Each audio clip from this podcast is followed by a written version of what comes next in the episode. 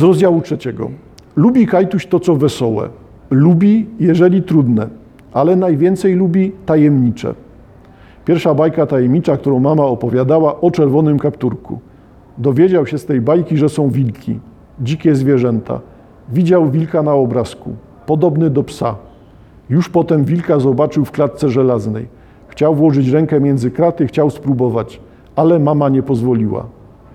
I mamy ciąg takich właśnie opowieści. Niby to jest przekazywanie bajek, tylko tyle, że te bajki są przekazywane w sposób taki, który musimy od razu zrozumieć jako formę prezentacji głównej postaci.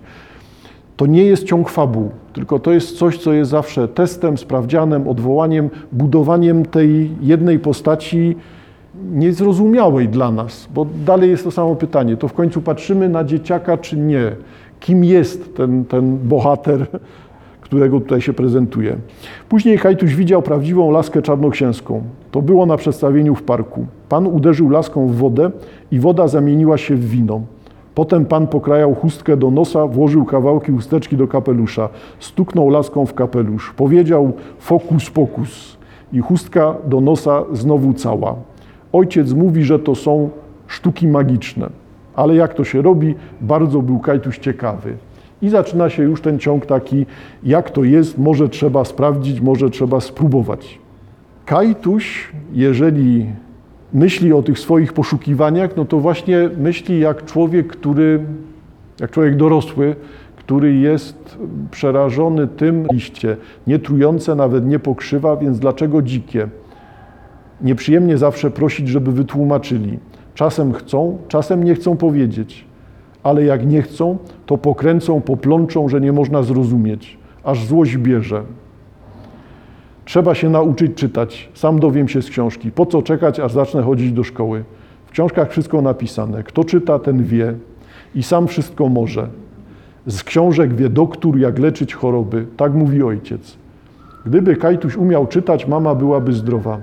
Trzeba tylko wyszukać w książce dobre lekarstwo. W tle jest ukryta opowieść o warunkach życia, no, wyjątkowo kiepskich, o matce chorującej, o to, że nie ma pieniędzy na lekarza, tylko to nigdy nie pojawia się wprost, tylko pojawia się właśnie w takich informacjach.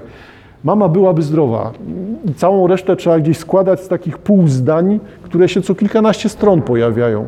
To jest bardzo niepokojące, bo to tło nie jest takim tłem z cyklu, bo mi każą żyć pod schodami i mi tupią nad głową, Potter. Tylko tutaj zderzamy się z czymś, co jest jakby bezpośrednio bolesne, bezpośrednio jest śmiercią. No niby u, u Pottera też jest śmierć rodziców na samym początku, tylko ona jest taka wyestetyzowana, taka, taka wypachniona ta śmierć rodziców. Niby Potter przeżywa śmierć rodziców, ale w rzeczywistości to jakby nie miało znaczenia dla niego. Coś tu umyka. Dlatego Rowling jest taka, no właśnie, dla dzieci jest e, uproszczona, ułagodzona. A tutaj ujawniają się takie momenty, które są no, zgrzytem, są takim bólem, jeżeli czytelnik potrafi je wyłapać, że to taka właśnie rzeczywistość, taka opowieść. Kiedy Kajtuś był mały, ojciec mu dawał gazetę. Masz, czytaj. Kajtuś patrzy na gazetę i plecie, co muślina do ust przyniesie. Etle, wetle, metle. Nie rozumie, co znaczy czytać, a wszyscy się śmieją. Albo smaruje ołówkiem na papierze i zdaje mu się, że pisze. Teraz wie, że to były żarty. Babciu, jeszcze nie śpisz, wyskoczył wózka, z łóżka, niesie swoją książkę. Kot w butach, patrzy. Kot. Trzy znaczki, przeliczył. Trzy. W środku O. Kółko, litera. Gdzie tu kot? Skąd znów kot? Babciu, prawda, że w środku w kocie jest litera O? Prawda, prawda, już śpi, ojciec będzie się gniewał. Wcześniej obudził się Kajtuś, zaraz na podwórko. Prosi chłopca, który chodzi do szkoły. Pokaż litery. A tobie na co i tak nie zrozumiesz. Obiecał Kajduś fundę, ananasowy cukierek. No to uważaj, patrz. Przygląda się, patrzy, uważa, ale nie rozumie. A ten się śmieje. Za mały jesteś, za głupi. Zawstydził się Kajtuś, potem nie pytał, rodziców, nie pytał chłopców, bo dziewczynki cierpliwsze troszkę wytłumaczyły. A ojciec resztę. Widzisz, tak jest kot, tak jest kos, tak będzie koń. Nareszcie wie. No i następne strony uczy się sam czytać, wszyscy się dziwią, że on się sam czyta. Ojciec dumny, mama gładzi po głowie i tak dalej. Nie chodzi o sam fakt nauki czytania, bo to jest dość typowe. Chodzi o problem, którego znowu dzieciak nie zauważy. I to jest duża część tej książki, czy główny pomysł tej książki. Jaka jest różnica pomiędzy słowem a rzeczywistością? Co tutaj jest ważniejsze? Czy rzeczywistość istnieje bez języka? Czy to, że potrafimy mówić, w efekcie potrafimy pisać, czy tam w tle potrafimy pisać, jest czymś, co pozwala nam panować nad światem naprawdę? Czy też ulegamy tylko złudzeniu? Czy to jest środek przeciwbólowy, pozwalający nam łatwiej żyć w świecie, który jest dla nas obcy i niezrozumiały? Czy jest to coś, co wpływa rzeczywiście na świat? Nagle mamy jeden epizod, który pokazuje dużą sytuację, problem, duże zagadnienie w tle. Jak to w końcu jest? Czy język, mówienie, pisanie pozwala nam nie, nie czuć bólu życia, tego, że nie potrafimy, nie umiemy, wszystko przeciw nam, wszystko się wali, nic się nie udaje, ciągle jest pod górę, głupi żyje, głupi umrę. Czy to nam nie usuwa tego bólu, nie jest jakimś umownym środkiem, który ma nam pomagać, czy w drugą stronę pójdziemy, czy rzeczywiście tak jest, że operując językiem, operując pismem, wpływamy na świat. Czym jest ta znakowość rzeczywistości? U Korczaka to się pojawia jako sygnał, a co jest w tle? A w tle za, za chwilkę będziemy mieli e, uczone rozprawy Umberta Eco, który właśnie to tłumaczy. Gdzie jest rzeczywistość, a gdzie jest znak? Jak powiązać znak z rzeczywistością? I tu zawsze będzie wychodziło to, że znakomita część ludzi będzie traktowała znaki jako magię. Czyli rzeczywiście posługiwanie się znakami jest formą zaklinania świata. To będzie kilkadziesiąt lat po tej powieści. A tutaj mamy tą samą formułę. Mówienie o świecie jest tworzeniem tego świata.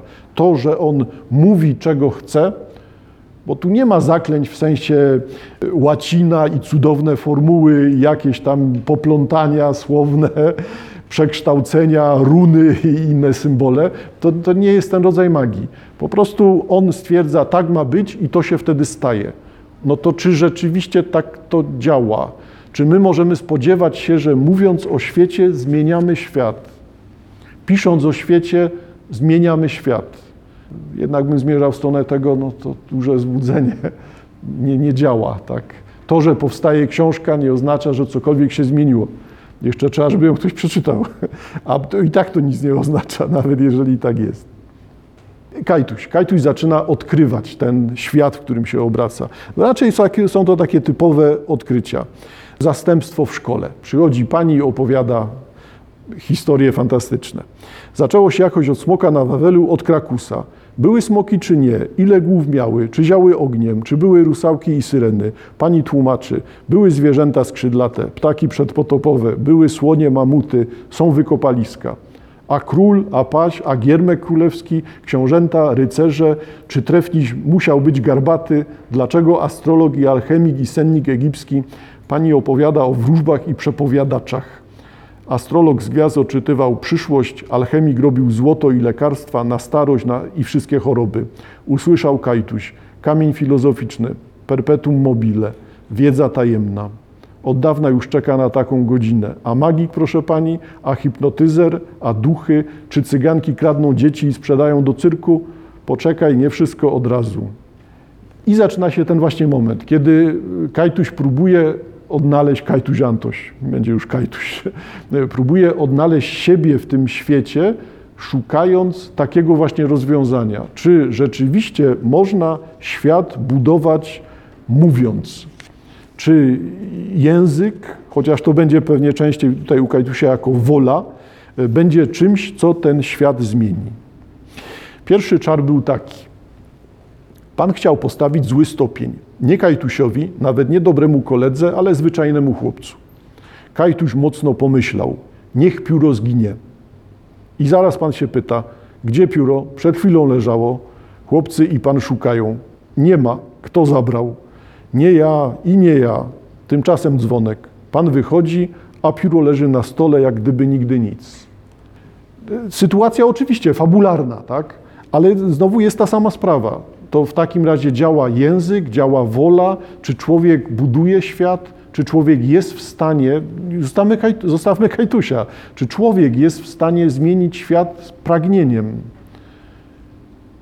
Tak, nie, nie było pióra, jest pióro. Może nie zauważył, może zasłonił, może nic się nie stało, może to jest wszystko tylko umowne. Często jest tak, że szukamy, szukamy, a leży na samym środku. No więc to jest czysty realizm. Nie ma w tym żadnej magii. No to w końcu wpływamy na świat, czy ciągle jesteśmy w jakimś paśmie złudzeń? Czy budujemy rzeczywistość, czy też ciągle siebie oszukujemy, że cokolwiek zmieniamy w świecie? Drugi czar. Pan pisze na tablicy. Akajtuś, niech się kreda zamieni w mydło. Chce pan pisać dalej? Nie może. Ogląda kredę. Zły mruczy coś pod nosem. Co się stało? Dziwi się klasa. Co takiego? Czego pan chce? Ale zaraz pan kredę mocno zacisnął i pisze. Tylko się skrzywił. I tak samo na geografii. Pan stoi przed mapą i tłumaczy. Nudna była lekcja. A Kajtuś krótko tylko i prędko pomyślał, niech się mapa przekręci do góry nogami. Pan zamrugał, zmarszczył czoło, potarł oczy. Chłopcy nawet nie zauważyli, bo po chwili mapa znowu równo wisi. Sytuacje znowu banalne i wyglądają na dziecięce, a one są w kółko o podobnym podejściu. Tłumaczą nam coś, jak to jest. No to zmieniamy świat, nie zmieniamy świata. Zmieniasz siebie, to zmieniasz świat. Czy rzeczywiście, żeby zmienić świat, trzeba zmienić siebie? Jeżeli zmieniasz siebie, to czy efekt jest dobry? I zaczną się te dylematy, które sygnalizowałem na początku też. Dumny stał się Kajtuś, nieprzystępny, niecierpliwy. Byle co zaraz mówi. Chcesz w zęby? Głupi. Patrzcie go, osioł udaje mądrego. Już nikt go nie lubi, bo rozbija się. Już nawet starszych zaczepia. A pokłócił się z chłopcem z szóstego oddziału. Wyraźnie się narywa. Otoczyli ich kołem, dziwią się, czekają na bójkę. Może im nie przezwiesz osłem? Owszem, i ośle uszy ci przeprawię. Miał Kajtuś w kieszeni lusterko, którym puszczał zajączki słoneczne po, po, ścianie, nawet w klasie na lekcji. Podaje mu lusterko i mówi: Masz, patrz. Natężył myśl, napiął jak łuk czarodziejską wolę, zażądał, rozkazał. Ten patrzy, wydłużyły się uszy, urosły w górę i znikło. Co takiego? Czy naprawdę, czy się tylko zdawało? Skąd masz to lusterko? Sprzedaj, naucz jak to się robi. Zapomnieli o kłótni, myślą, że jakaś sztuka realizm, fabułka, coś dla dzieci. Ale w tle dalej to samo. Co to jest? Na czym to polega? I czy nie trzeba będzie za to płacić? Jakby dla dorosłego czytelnika ten, te wątki są czytelne. Kajtuś nie ma pieniędzy, w domu nie ma pieniędzy, nikt mu nie da tych pieniędzy, już były uwagi. No to chciał znaleźć na ulicy pieniądze. Chciał znaleźć na ulicy, znalazł na schodach, ale tylko pięć groszy. Tylko piątka, ale nowa z blaskiem jak złoto. I dawniej zdarzało się, że Kajtuś znajdzie to i owo. Zgubił gumkę, znalazł ołówek. Zgubił pióro, znalazł temperówkę. I Kajtuś gubi inni, bo wypadnie coś w biegu z kieszeni albo wyślinie się steczki. Albo dorosły rzuci, bo wyrzucają takie rzeczy, które mogą się przydać. Jakiś sznurek, pudełko, buteleczkę, program do kina. Ale to coś zupełnie innego. Już zniechęcony wcale nie szukał, spieszy się do szkoły. Nie to nie. Gdy nagle chcę znaleźć 100 złotych, bo co ryzykuje? I zaraz koło narożnego sklepu przy samym schodku podnosi całą złotówkę, a obok dwa razy po 50 groszy, więc razem dwa złote. Więc może więcej żądać, może się z nim targuje nieznany naczelnik. Wtedy pierwszy raz przyszło mu do głowy, że i czarnoksiężnik ma swój rząd i władzę nie jest niezależny. Są jakieś tajne rozkazy. No więc co? Ma dwa złote. Wesół idzie do szkoły. Spotkał kolegów, pochwalił się, pokazał. Nie przeczuwa, że będzie miał przykrość, bo było tak, że ostatnio zaczęły ginąć różne rzeczy w szkole, giną śniadania, książki, rękawiczki, szalik. Właśnie na Kajtusia padło podejrzenie, że chłopcu zabrał bo pani zbierała składkę na tych, co jeszcze nie dali, a tamten w bek. Miał dwa złote, zginęły. Ukradli. Gdzie miałeś? W teczce, nie w teczce, a w kieszeni. Może zgubiłeś na ulicy. Nie, były. Miał w szatni, położył na oknie. Kto z was ma jakie pieniądze? Chłopcy wyjmują, pokazują. Ten ma 10 groszy, ten 30, ten ma dwie zagraniczne monety. Kajtuś od razu się przyznał. Skąd masz dwa złote? pyta pani. Znalazłem na ulicy. Pani nieprzyjemnie spojrzała na Kajtusia. Wzięła pani dwa złote i pyta się tamtego, twoje, a tamten moje. Dopiero wtrącili się chłopcy. On kłamie, proszę pani, wcale nie jego, nie miał, on udawał, że płacze. Kajtuś spokojnie patrzy pani w oczy. Tamten stoi czerwony, zmieszany, aż wyjąkał. Moje były całe, jedne razem dwa złote, nie osobno. Mogę mu dać, mówi Kajtuś, niech bierze. Pani nie wie, co ma robić, chłopcy buntują Kajtusia. Nie dawaj głupi, patrzcie go, oszukaniec. I jaka jest puenta tego? Znowu zaskakująca, bo wyszło na to, że to nie jego, tak, że to Kajtuś rzeczywiście znalazł. Chciał spróbować, czy można na innego przelać swój czar. Wydał rozkaz, żeby mama znalazła złotówkę. A mama wraca z miasta i dziwną historię opowiada. Znalazłam pięć złotych. Rozglądam się, kto zgubił. Widzę, staruszek szuka. Pytam się go, ucieszył się biedaczysko, właśnie było jego. Dziko jakoś wyszło. Takie to wszystko pokiełbaszone, że ani róż zrozumieć.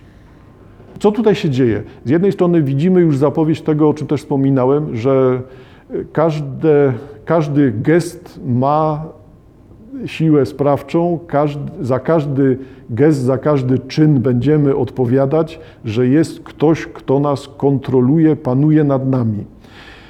Na razie zabrzmiało to w sposób taki sobie, tak? czyli przyszło mu do głowy, że czarnoksiężnik ma swój rząd i władzę, nie jest niezależny, są jakieś tajne rozkazy. Brzmi to troszkę tak jak ten CBA, CBS, CIA i inne tego typu historie.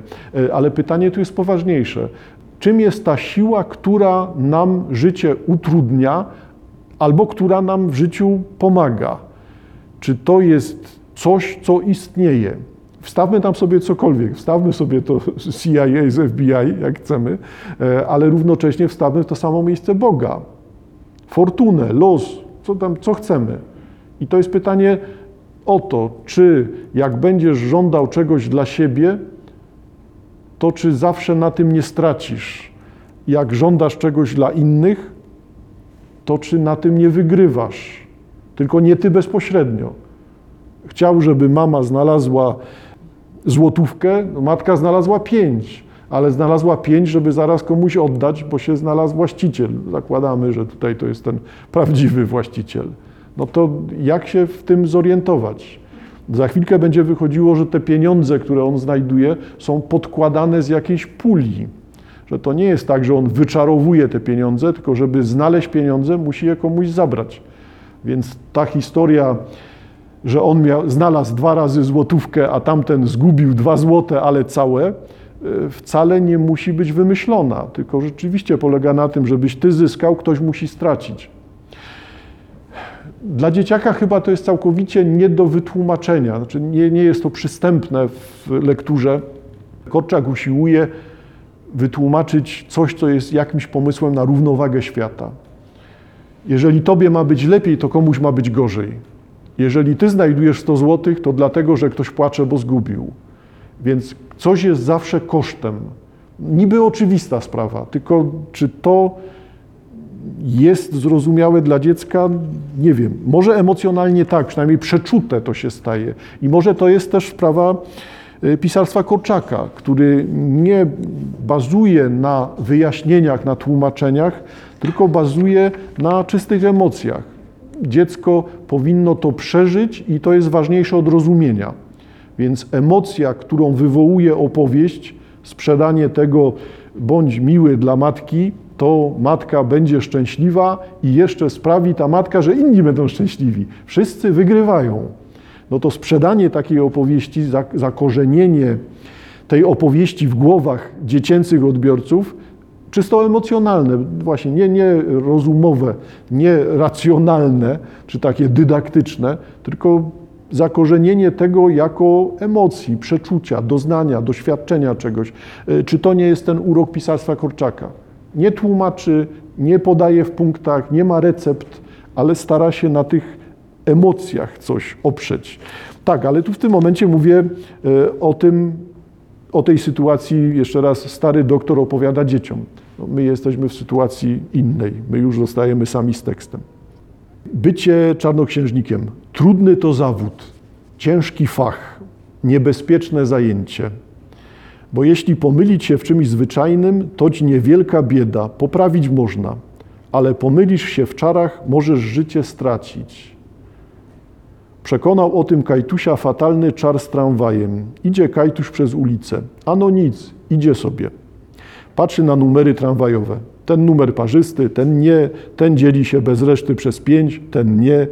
Patrzy na ludzi, na sklepy, pies przed bramą siedzi. Przystanął Kajtuś, smoknął, pogłaskał psa.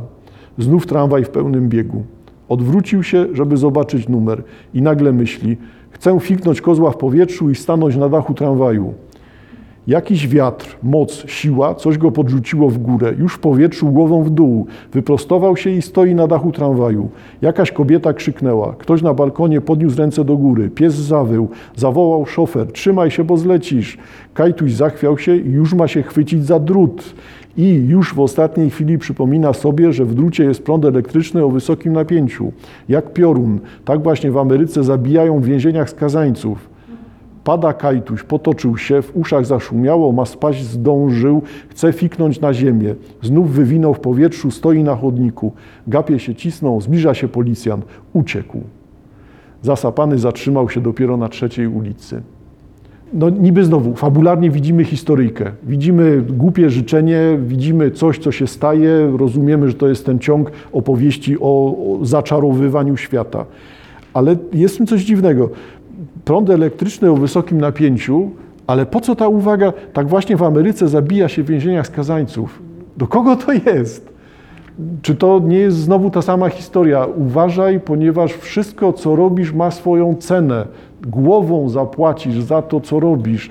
Tylko tego tu nie ma wprost, że jest koszt, koszt złudzeń. No niech będzie, że koszt czarów, jeżeli chcemy się trzymać tego słownictwa, no ale to jest koszt złudzeń. Kajtuś stopniowo zaczyna panować nad tym, co się dzieje. Zaczyna to porządkować, robi sobie listę, robić to, nie robić tego, to wolno, nie wolno. Dojrzewa w błyskawiczny sposób, no bo widzi, że ryzykuje życiem. Postanawia sobie samemu moc odebrać, postanawia wprowadzić podwójne zaklęcia, żeby nie było jak z tym tramwajem, czyli dopiero jak dwa razy coś powie, to wtedy to ma się stać jako forma zabezpieczenia. Odbiera sobie na miesiąc czaruje sam siebie, tak, że na miesiąc traci siłę, bo nie chce mieć dalszego ciągu tego wszystkiego. Wynikiem tego jest to, że trafia do lasu, w lesie się gubi, znajdują go w tym lesie na pół wycieńczonego, trafia do szpitala, znajdują go rodzice w tym szpitalu. W tle pojawia się opowieść o babci, która poszła go szukać do lasu i efektem tego zmarła.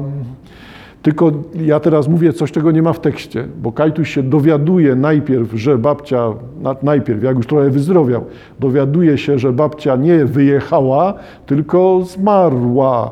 Ale nikt mu nie mówi tego, że jest za to odpowiedzialny. To jest jakieś przeczucie w tekście, że chyba coś z nim jest związane, ale nigdzie on tego nie werbalizuje. On nie mówi, jestem odpowiedzialny za śmierć kogoś. Tylko znowu, chyba mamy typową sytuację dorosłego, który woli wyprzeć niż przyjąć tego typu odpowiedzialność. Żądam, niech mi się babcia pokaże. Kajtuś po tych wiadomościach o śmierci. Zaraz na szybie zobaczył twarz babci. Uśmiechnęła się do Kajtusia, tak zawsze się uśmiechała, gdy ojciec na niego się gniewał, gdy zbroił coś dużego. Uśmiechnęła się na tej szybie, spojrzała łagodnie siwymi oczami i znikła. Wrócę babci życie. Tak, musi się ten czar udać. Pójdzie na grób, obudzi i wróci z babcią do domu. Zdziwią się, od niespodzianka. Przecież bywa, że ktoś zaśnie i myślą, że nie żyje. Zapomniał tylko, że taki sen mocny, jak się taki mocny sen nazywa. I idzie na cmentarz. Idzie na cmentarz, gdzie stoi nad tym grobem i upiera się, że babcia ma wstać z grobu. Więc mamy wielokrotne ponawianie jego żądań, Żądam władzą czarnoksięską, ja Antoś Antoni, ja Kajtuś Czarodziej. Cisza, to jest tylko puenta, cała strona tych żądań. Krzyknął myślą zawziętą, niech się babcia obudzi. Nagle, nagle niewidzialna ręka uderzyła go dwa razy w twarz, w prawy i lewy policzek. Zachwiał się. Motyl frunął. Przed oczami czerwone plamy i koła. Nikt jeszcze nigdy Kajtusia w twarz nie uderzył. Pierwszy raz. Stoi zbuntowany. Zacisnął pięści. Znów nalał dziad. Pij jeszcze. Wypił. Dziękuję, macie dziadku. Dał dziadkowi złotą monetę. Nie dziwi się nawet, że się w ręku znalazła. Nie spojrzał nawet na- w twarz nieznajomą. Pochylił głowę do ziemi, idzie prędko, jakby mu się spieszyło. Idzie prędko, a gniew i bunt ustępują. Czuje w sobie ciepło wesołe, lekkość dziwną. Jakby się w powietrzu unosił, a serce bije.